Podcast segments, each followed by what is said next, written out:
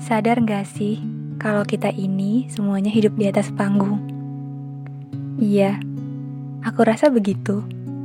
Layaknya sebuah panggung, pasti ada backstage atau di belakang layar. Sama kayak kita.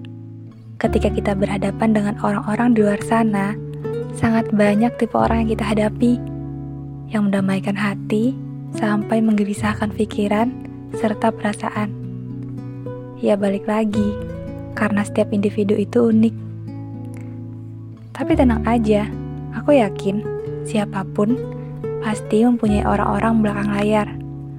Orang-orang yang jadi tempat cerita kita, orang-orang yang buat kita nyaman, orang-orang yang dengan tangan terbuka menerima kita, memberikan saran serta kritikan tanpa ada niat menjatuhkan.